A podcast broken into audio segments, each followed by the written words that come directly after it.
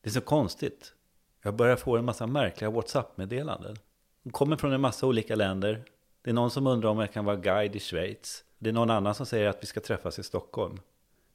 Sen läser jag någonstans att det här är ett sätt att infektera telefoner.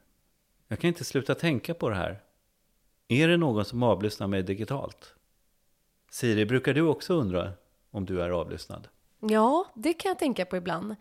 Ehm, jag var faktiskt med om en händelse för några år sedan då jag skulle göra en telefonintervju med en intervjuperson som ville vara anonym. Det var ett ganska känsligt ämne.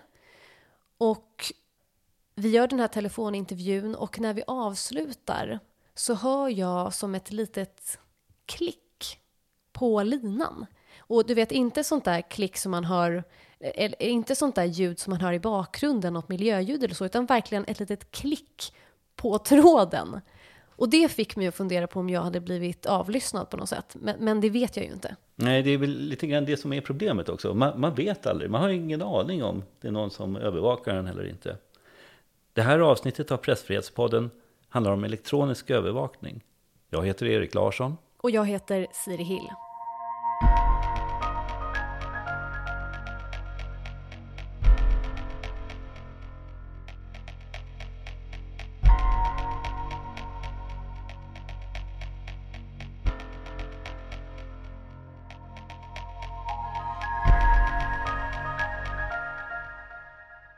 Idag har vi också med oss Mattias Beijmo som ibland presenteras som digitaliseringsexpert. Eh, vad är det för titel Mattias? Det kan man fråga sig. Eh, jag har i alla fall arbetat med digitalisering av samhället och företag och organisationer i över 20 år. Och där har jag jobbat mycket med analys, eh, datainsamling och analys. Eh, och eh, ja, expert kan också översättas som gammal, tror jag. Okej. Okay. Eh, har du blivit avlyssnad då? Vet du det? Ja, det, det, i ett tillfälle så vet jag det i alla fall. Och eh, det var när jag lämnade in min väska hos, eller lämnade in, när tulltjänstemännen i Ryssland faktiskt eh, tog hand om min väska en gång. Med min laptop i. Och hur vet du att du var avlyssnad då? Genom en, en, en god vän och mycket skicklig person kunde med hjälp av programvaror eh, analysera och mycket lätt faktiskt identifiera att där hade man tryckt in någon slags rudimentär spionprogramvara. Så akta er för tull, ryska tullen, är det ett medskick du kan göra? Ja, eh, åtminstone använd inte den, ha ingenting på laptopen eller mobilen som du inte vill dela med dig av när du går igenom den ryska tullen. Mm. Men Mattias, hur kommer det sig att du blev intresserad av just digital övervakning? Jo, jag har ju då som sagt jobbat sedan 90-talet med det digitala, med analys, strategi, eh, försöka förstå människors beteenden, försöka räkna ut hur eh, både företag men även politiska partier och offentliga organisationer, myndigheter ska kunna förstå människors beteende baserat på den data de lämnar ifrån sig, antingen medvetet eller omedvetet. Och där har jag gjort under många, många år då som sagt. Men det här vände ganska mycket när jag arbetade med flyktingsituationen kring Medelhavet. Och där lärde känna då eh, personer från Syrien som hade verkligen använt digital teknik för att så att säga organisera sitt uppror, sitt demokratiska uppror mot Bashar al-Assads regim. Och eh, de visade med all tydlighet upp hur de hade jobbat och jag förstod då att de spår de lämnade efter sig Eh, var precis samma sorts spår som jag har använt för att förstå vilka som tänker rösta på det partiet nästa val kanske eller inte. Men i det här fallet användes det för att spåra upp dem och fängsla dem och ibland döda dem. Ja, det låter superintressant. Jag tänkte vi kunde prata lite grann mer om det där senare. Du har ju till och med skrivit en bok om eh, hur man använder olika typer av övervakningsutrustning och svenska företag som är inblandade i Syrien också. Men eh, du, ska också, du har också lovat att du ska komma med en lista på fem konkreta tips vad man kan tänka för på om man vill eh, skydda sig mot att bli övervakad elektroniskt. Eh, men eh, jag tänkte att vi först ska börja och prata om ett ganska aktuellt fall, eller hur Siri? Ja, precis. Det var ju i somras som flera stora internationella medier publicerade en läckt lista på 50 000 telefonnummer som kan ha infekterats av ett spionprogram som heter Pegasus. Eh, Pegasus, om du bara kort kunde berätta, vad, vad är det för något? Men det är ett spionprogram som har tagits fram av ett israeliskt privat företag som heter NSO Group. Och lite kortfattat så går det till på det sättet att man får ett meddelande till sin mobiltelefon. Det kan vara ett WhatsApp-meddelande, det kan vara ett mail eller ett sms. Och i det här meddelandet så finns det en skadlig kod som laddas ner till din mobiltelefon. Och den här koden gör att man får kontroll över mobiltelefonen. Till exempel så kan man ta reda på vad du skriver in för lösenord. Man kan övervaka din mail. Eh, man kan läsa dina meddelanden. Och vad som är ännu mer oroande är att man också kan sätta på mikrofonen utan att man vet om det. Och det som är väldigt speciellt också med Pegasus det är att det kräver inte någonting av dig som användare för att den här koden ska laddas ner. Du behöver inte aktivt gå in och klicka på en länk eller godkänna någonting, utan det räcker alltså med att du får det här meddelandet till din telefon och då är den infekterad. Fast du, du säger ju att det här är väldigt oroande. Ja, okej, okay, det kan man förstå om någon skulle ha intresse av att lyssna av oss. Men jag menar, det låter ju som ett perfekt verktyg för terroristbekämpning, för polisen. Alltså, det, det, låter ju som ett väldigt, väldigt bra verktyg där. Det är ju så det har sålts in väldigt mycket. Men problemet här är ju att man också har använt sig av det här för att kunna avlyssna och övervaka andra personer som kanske inte bör övervakas. Människorättsaktivister, journalister, toppolitiker med mera. Och det är ju ett jättestort problem. Mm. Ett exempel på det är ju den här saudiska journalisten Jamal Khashoggi som mördades. Ja, precis. Och det är det som är också väldigt intressant, att på den här listan över de här 50 000 telefonnumren så har man hittat telefonnummer till två personer som han har haft väldigt nära kontakt med. Men eh, Mattias eh, Beijmo, eh, NSO Group som ligger bakom det här programvaran Pegasus, de eh, säger ju själva att eh, de bara ska sälja till eh, länder som har kontroll och det är länder som ska sköta det här på ett korrekt sätt. Hur, hur, vad är din bild av det? Hur har de levererat på det? Nej, det har de ju inte alls gjort. Eh, och det var ju inte särskilt oväntat egentligen att de skulle sälja det här till till exempel Saudi, eh, Saudiarabien och deras säkerhetspolis. NSO Group är ett företag som är en del i en stor, en mycket stor israelisk övervakningsindustri Israel är världsledande på den här marknaden. Eh, och de säljer till de stater där de kan ha en geopolitisk fördel, till exempel Saudiarabien då, som ju är där de ju har, närma, de har ju närmat sig varandra. Alltså det är, Mellanöstern håller ju på att tina upp lite grann eh, faktiskt eh, i de här avseendena. Där är den här typen av programvara en, en viktig exportindustri för Israel. F inte bara ekonomiskt, utan också för att hålla de, de, de politiska relationerna goda. Eh, sen ska man också komma ihåg att eh, Benny Gantz, som idag är försvarsminister i Israel, har suttit i NSO Groups styrelse tidigare och har också drivit ett eget övervakningsbolag eh, eh, som säljer övervakningselektronik innan han kommer från techbranschen, alltså innan han blev politiker och försvarsminister. Så det här, det här är integrerat i Israels politiska liv. Det, det, är väl i sig kanske ingenting nytt eller ovanligt, Eh, än en gång så, så, är det också, man ska också titta på vem som äger, eller i alla fall till alldeles nyss ägde NSO Group. Det är ett amerikanskt riskkapitalbolag.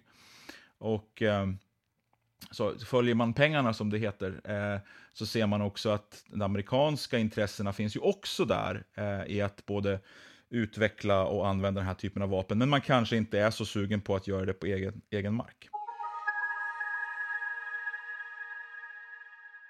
Det var alltså 50 000 nummer på den här, eh, telefonnummer på den här eh, listan. Vi vet inte om alla de här 50 000 faktiskt, eh, om man installerade Pegasus på alla de här. Men man kan misstänka att, att flera av dem i alla fall eh, var personer som drabbades av avlyssning av Pegasus. Men har du någon uppfattning om hur många journalister det är som eh, blev avlyssnade? Nej, det, det, har jag såklart inte i, exakt eh, och sådär. Men hotbilden mot journalister ökar ju i världen, det, det, vet vi och det rapporterar ju inte minst ni om. Eh, och eh, eh, journalister är också eh, fair game allt mer när det gäller just övervakningsåtgärder. Och det här har att göra med att ta till exempel nu i Singapore nyligen då nya lagar stiftas för att man ska kunna klassa viss typ av journalistisk verksamhet som desinformation. Och på så sätt komma åt juridiskt att de facto i smyg få lägga in de här programvarorna i telefoner eller andra elektroniska enheter. Eh, en sak är i alla fall tydlig, alltså avlyssningen är här för att stanna. Vi använder vår telefon dagligen. I, idag så det finns knappt någon journalist som inte har en mobiltelefon. Och vi måste hantera det här på något sätt i vår vardag. Eh, du Siri, du pratade med en journalist som eh, måste hantera det här varje, varje dag. Vem var det? Precis, och det var journalisten Maria Georgieva som bland annat har jobbat för Svenska Dagbladet och framförallt då i Ryssland. Och så här sa hon när jag pratade med henne om eh, avlyssning i Ryssland. Men här finns ju liksom väldigt aktiva just eh, underrättelsetjänster. Vi har liksom den federala säkerhetstjänsten, du har den militära underrättelsetjänsten, du har ju liksom flera olika strukturer som Eh, utgör ett, en stor liksom säkerhetsapparat som i princip liksom kan få fram information om alla medborgare i landet. Och just journalister är ju extra intressanta eftersom det finns ju ett tydligt liksom initiativ från de som arbetar, sig oberoende eller är regeringskritiska, de vill man ha liksom lite extra koll på.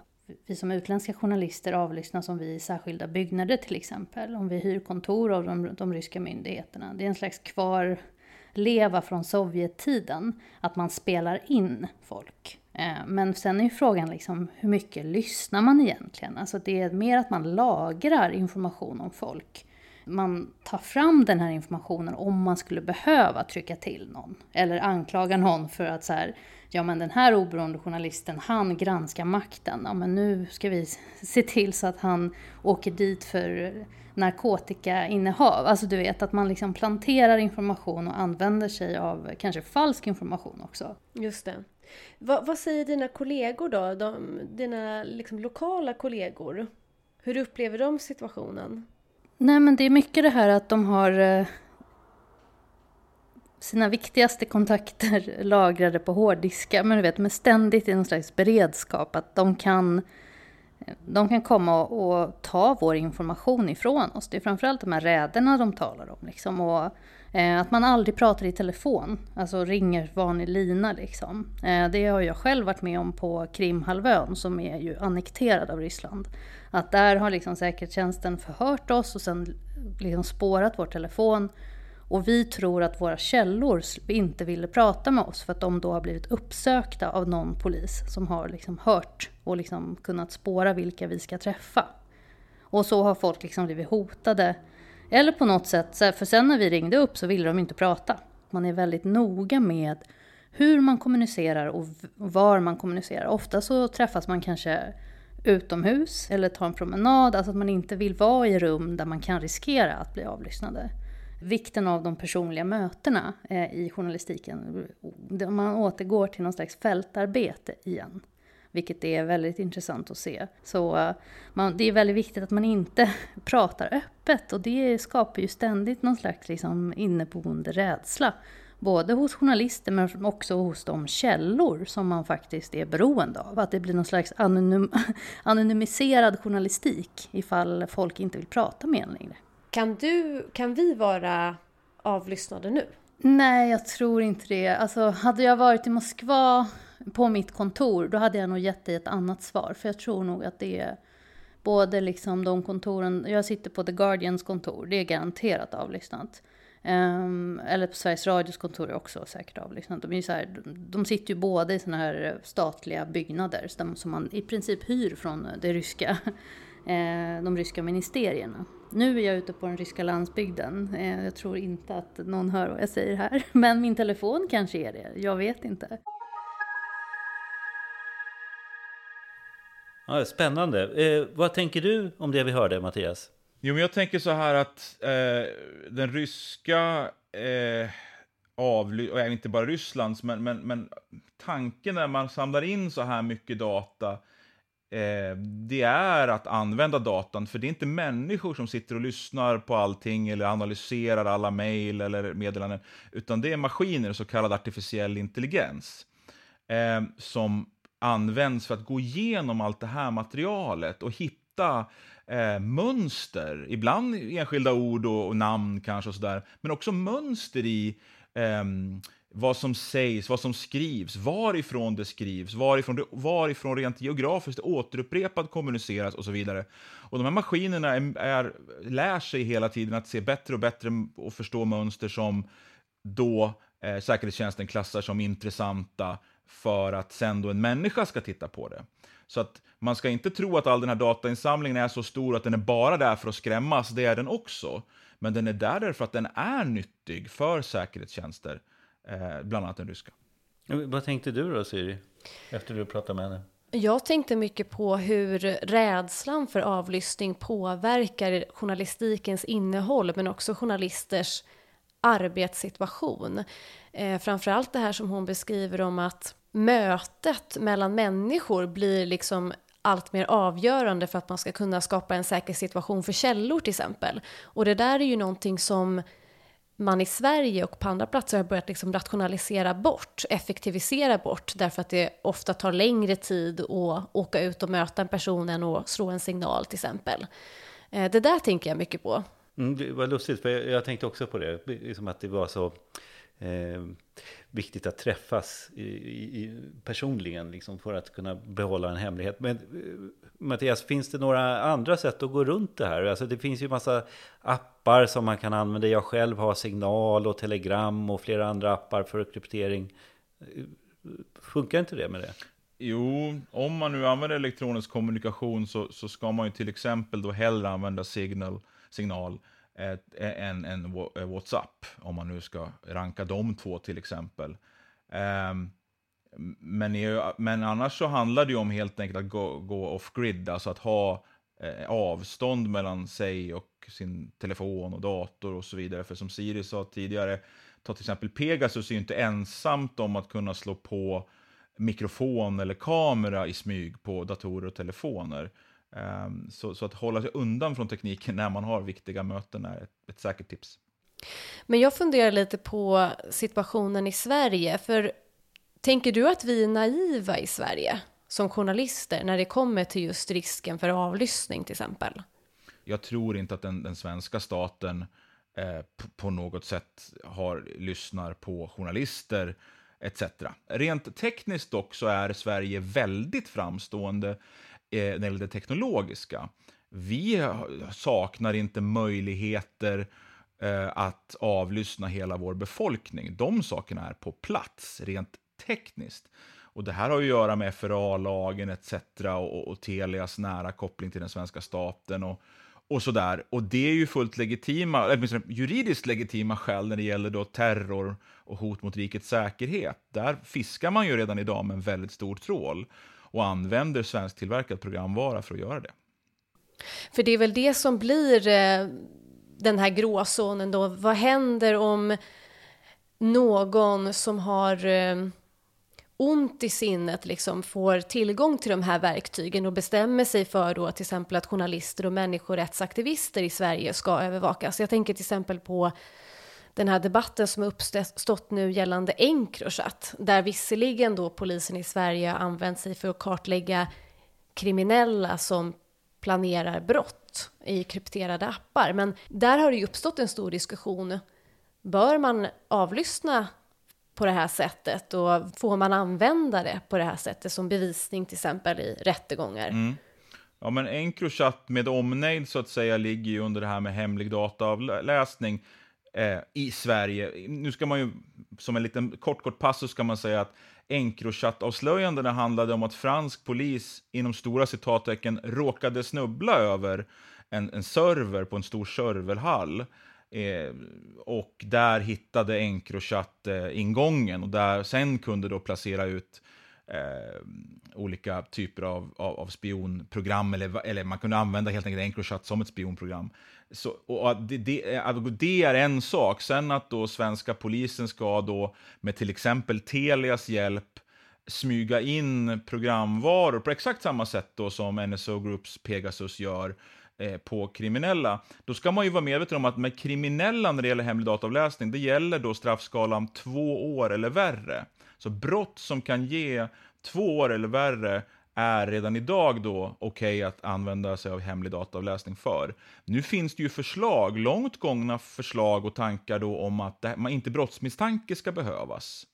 Utan det här ska vara en del eh, att du och jag, eller ni och jag, kan när som helst då bli avlyssnade om vi råkar spela fotboll i fel korplag med, med något gäng som, som man tror är kriminella, eller om vi jagar älg eller varg då kanske vi jagar, tror man, med Karl Hedin, den kände varghataren. Mm. Och utan brottsmisstanke, ja då är vi ju inne på, ja då skulle ju journalister lätt kunna avlyssnas och så vidare. Men, men det du egentligen säger nu, det är att Pegasus, det är ju bara toppen på ett isberg. I, i Pegasus, eh, i den listan som släpptes så fanns ju franska eh, presidenten Macron med på den listan. Sådär, va? Eh, och Frankrike blev ju lite upprörda såklart över det. Men samtidigt är ju Frankrike en, en digital stormakt, precis som Sverige är en digital stormakt. Och Sverige har ju bidragit, eller hjälpt den syriska diktatorn al-Assad att, eh, eller svenska företag i alla fall, hjälpt den syriska diktatorn al-Assad att eh, avlyssna och spåra oppositionen, vilket du har skrivit om i en, i en bok. Kan, kan du eh, berätta lite? Ja, precis. Boken heter De kan inte stoppa oss. Och den boken skrev jag ju då efter jag hade lärt känna de här syriska flyktingarna, eh, där ni arbetade med flyktingfrågan kring Medelhavet och så. Eh, och den tar ju upp just, eh, inte bara de svenska företagen, utan även amerikanska företag, eh, som säljer då eh, spionutrustning, alltså övervakningsutrustning, som kan övervaka hela det syriska folket. Syrien var tidigt som en slags eh, petridish, vad heter det, testmiljö för övervakningsprogramvaror och metoder.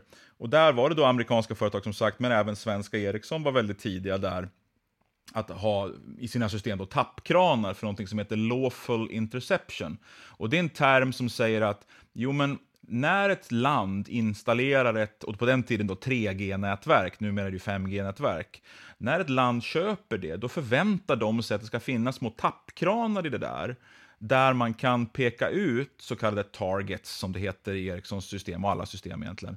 De pekar ut targets och så, så säger man, ja men Erik vill vi lyssna på nu. Eh, och det är ju i vissa länder, i, i Syriens eh, lagstiftning, så är det helt okej okay att lyssna på Erik och Siri. Då klickar man på er för man tycker ni är konstiga journalister och vad, vad skriver ni för någonting? Men i Sverige är ju inte det lagligt. Men så beroende på var man installerar de här tappkranarna som finns i Ericssons system, även idag, eh, så är ju lawful interception i frågan vad, vad som är lagligt och inte. Och här var Ericsson tidiga, ett svenskt företag som heter Enea, är långt, långt framme och har varit långt framme här, eh, för de köpte ett franskt företag som heter Cosmos, som är state of the art verkligen inom det här med eh, det kallas för Deep Packet Inspection, där varje litet datapaket i ett helt lands, om man så vill, eh, telekommunikation kan avlyssnas. Men, men jag är nyfiken, för att det måste vara enorma pengar det här handlar om. Finns det någon uppskattning som... Eh, mm. Ja, nu är det pinsamt dålig research här, men, men, men alltså det, det, det är miljardbelopp i dollar, mångmiljardbelopp i dollar. Det är en enorm bransch. Eh, och den, den brand, ju osäkrare, eller ju mer misstanke eller polarisering det blir ju, i fler länder i en digitaliserad värld, ja, ju, ju mer omsätter branschen. Finns det någonting som du tänker skulle kunna stoppa den här utvecklingen? Ja, boken heter ju De kan inte stoppa oss, så där är väl svaret kanske.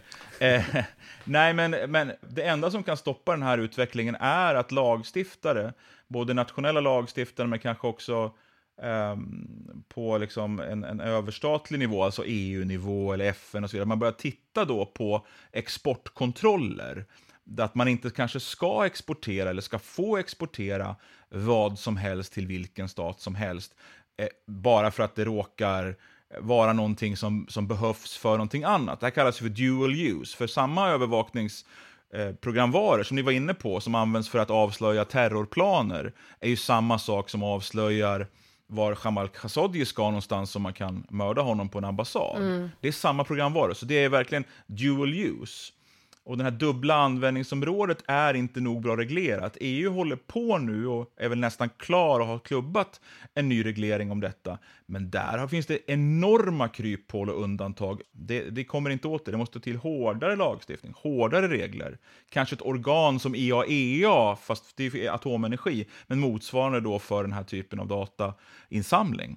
Eh, du nämnde ett organ för motsvarande IAEA för atomenergi, men du har ju mm. själv sagt, eller liknat det här nästan vid en atombomb, eh, de här digitala verktygen. Ja, med just, alltså jag tycker att liknelsen med, med liksom atomkraften som ju kan användas eh, för, för saker som är fullt legala och, och, liksom, och används, och vi använder dagligen, men också är sånt som man bygger atombomber av det, det, är ju samma sak med den här datat som vi pratar om, datat som blir när vi kommunicerar med varandra. Att kunna använda analysverktyg och för att eh, samla in och analysera det kan användas för en massa eh, helt normala saker, att, att eh, Netflix blir bättre när vi tittar på Netflix. Mm. Eh, men det kan också användas för att ja, stoppa eh, barnpornografibrott. Eh, och det kan också användas emot journalister och eh, dissidenter. Den dagen vi får ett IAEA för data i världen, då vet ni vad ni hörde först. Men hur, hur tycker du journalister är på att skydda sig då? Eh, journalister, jag lever ju tillsammans med en, så här får jag passa mig lite, men, men är inte alltid de mest tekniskt intresserade personerna out there. De har ju så mycket annat att tänka på, om vi uttrycker oss så jag, jag tycker, men, men journalister är däremot... Du borde nästan bli diplomat. Tycker ja, jag ja, tack så mycket, tack så mycket. Tack så mycket. Det behövs, det behövs av olika skäl. Jo, men, det, men journalister är ju bra på, väldigt bra, eller är världsbäst på en sak. Och det är ju att se till att eh, få fram en story, eh, få ut den. Det är ju det journalisters liksom, extremt avgörande demokratiska uppdrag är till för. Eh, och jag tror att journalisternas uppdrag som demokratisk kraft eh, behöver uppdateras lite grann med en hel del teknisk kunskap, eh, tror jag. Och eh, eh nu blir det enklare och enklare att faktiskt också skydda sig mot faktiskt eh, eh, de här olika intrången eller data eller övervakningen och så vidare. Därför att kunskaperna blir större och större. Så, så det, det förenklas faktiskt dag för dag. Så jag har gott hopp om att journalister kan bli ännu bättre än vad de är idag på det. Men jag undrar hur det ser ut när det kommer till det där på landets redaktioner. Alltså jag tänker, hur, hur jobbar du med det Erik, du som jobbar på Arbetet? Har, har ni något samtal om digital säkerhet eller finns det liksom resurser att tillgå där? Eh, begränsade resurser skulle jag säga. Och vi har samtal, men eh, det blir ju ofta på den nivån, liksom att ja, installera signal. Vä väldigt generella råd på något sätt. Sådär. Eh, men ja, man kanske kommer väldigt långt med de råden. Och du har ju lovat att ta med dig, du har ju fem råd som du har tagit med dig, som du ska dela med dig av. Och mm. vad är det för, vad, vad, ska vi tänka på när vi är där ute? Um, första rådet är ju då att ta hjälp. Att det finns väldigt kunnigt folk och kunniga organisationer där ute och allt, de blir allt bättre också på att kommunicera ut det här. Ehm, um, Citizen Lab, Tactical Tech är två stycken och jag, jag, tycker ju ni också, RSF gör ett bra jobb här och kan göra ännu bättre, men, men, men, men visst, det är bra och så. Så ta hjälp. Um, den andra punkten jag skulle vilja tipsa om det är att läsa på. För att om man läser på och agera skulle jag väl kanske lägga till. För um, det är ju en sak att läsa på, men när man, man, man ska uppdatera sitt iOS, alltså på sin, sin uh, iPhone, som jag verkligen rekommenderar givet vad som avslöjades strax innan det här spelas in, så uppdatera systemen. Det, det, det är värt det. Eh, tredje punkten, använd eh, low-tech, alltså teknologi som inte har radiosändare eller mottagare eller wifi eller sånt där.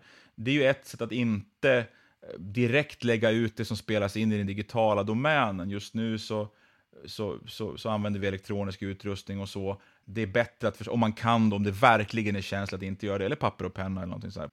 Eh, sen finns det en massa olika tips där ute, och jag är för många för att lista här, men använd krypterad lagring, använd, eh, använd inte offentliga wifi-nätverk generellt sett. Eh, VPN, alltså Virtual Private Network, olika. Det finns en massa saker, men än en gång, gå till punkt ett, ta hjälp då. Och det sista jag skulle säga det är att du är oftast som journalist experten. En journalist är oftast experten i förhållandet med en källa.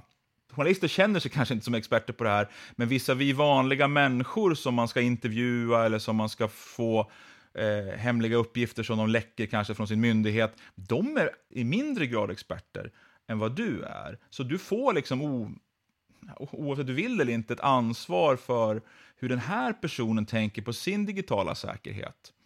Eh, och därför så finns det ett slags implicit ansvar här att se till att hjälpa dem att säkra det. Tänkte, om vi ska sammanfatta de här fem punkterna lite grann så punkt nummer ett, det är alltså ta hjälp. Punkt nummer två, läs på. Punkt nummer tre, använd gammal teknik. Alltså teknik som inte Det är har, mitt favoritråd. som inte har kassett eller som inte har radiosändare i sig eller är, är digitala. Och den fjärde punkten, där såg jag en massa olika punkter som du sammanförde som att man ska hålla på att uppdatera sin dator och sin telefon väldigt snabbt och hela tiden se, se till att det är eh, hålla koll på tekniken. Liksom sådär. Eh, Var teknologiskt uppdaterad. Var teknolog, det är bättre. Och den femte och sista är att man själv måste ta ansvar för de källor som man pratar med. Det var de punkterna. Men jag tänkte på en sak. Du Bra återkom... punkter. Jättebra punkter. Men jag tänkte på en sak. Du återkommer väldigt mycket till den här första ta hjälp. Och det finns ju flera företag som tar hjälp inom teknologifrågor från andra företag som är, är experter. Det var I somras så kunde vi till exempel se hur Coop tog hjälp ifrån eh, med sitt kassasystem. Alltså, det finns inte en stor fara i det här att lita för mycket på Mm. andra. Ja, men det, det, tycker jag också. Och jag, jag, när jag säger ta hjälp, jag tror att givet hur liksom eh, faktiskt konstigt nog enklare och enklare det blir att skydda sig på ett bra sätt, så tror jag det räcker med kanske att man kör en återkommande workshop med någon som kommer in som kan det här. Och kanske liksom inte bara en gång och sen går det fem år, utan att någon, man kör man delar upp de här, den här heldagen man tänkte köra på två gånger liksom fyra timmar eller något sånt där. Eller fyra gånger två timmar. Så att man upp med en viss liksom avstånd mellan gångerna i kalendern träffar på någon och så tittar man så här real world, okay, hur använder ni? Att man får lämna in sin mobiltelefon som journalist eller, eller så då, så säger man så hur, vad har du på den här då? Och så visar det sig att man har ett operativsystem från två år tillbaka, ja men då, ja, till exempel. Mm. Eller när startade om tänk... den här sist? Ja, jag har inte startat om min telefon någon gång och sånt där, hör man ju. Och då, ja, då är det kört. Jag håller med dig verkligen Mattias, för det, det känns ju som att den här typen av kunskap är ju verkligen färskvara. Ja, Också verkligen. för att digitaliseringen går så fort. Mm. Och det är ju ganska tydligt på något sätt också, tänker jag, att vi befinner oss i någon eh, brytningstid. Alltså den här digitaliseringen, alltså det är ju vi behöver inte gå tillbaka mer än 10-15 år som det här var väldigt, väldigt nytt. Och vi, det är en bransch som behöver mognas på något sätt. Och Reporter utan gränser har därför krävt att programvara som till exempel Pegasus, att man inte ska få sälja den fram tills man har ställt upp ett eh, regelverk för hur man ska hantera den. Det, det är också en sån sak som sådana krav som eh, växer sig allt starkare just nu. Eh, jag tänkte så här, vi har ju pratat lite grann om Pegasus.